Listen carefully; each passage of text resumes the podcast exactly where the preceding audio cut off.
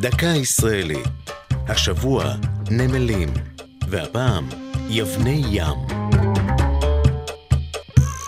על גבעה קטנה הסמוכה לחוף פלמחים שוכנים שרידי אחת מערי הנמל החשובות ביותר שהיו בארץ, ואשר נמחתה מעל פני האדמה.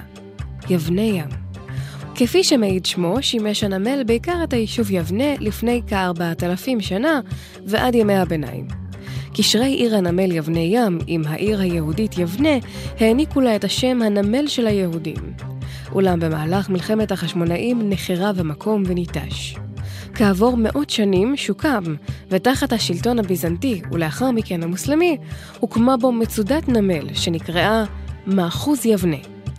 חפירות ארכיאולוגיות במקום גילו בו בין השאר רצפות פסיפס מהמאה השישית, המלמדות על גידול גפנים וייצור יין באזור, וכן בית מרחץ בסגנון רומי.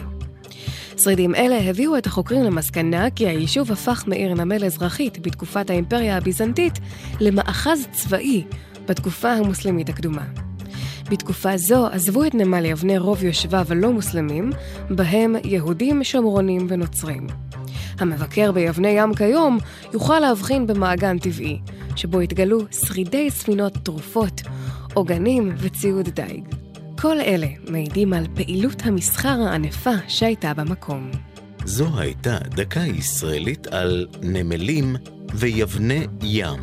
כתבה יעלי פוקס, ייעוץ הפרופסור משה פישר, מפיקה אור זועי סולומוני.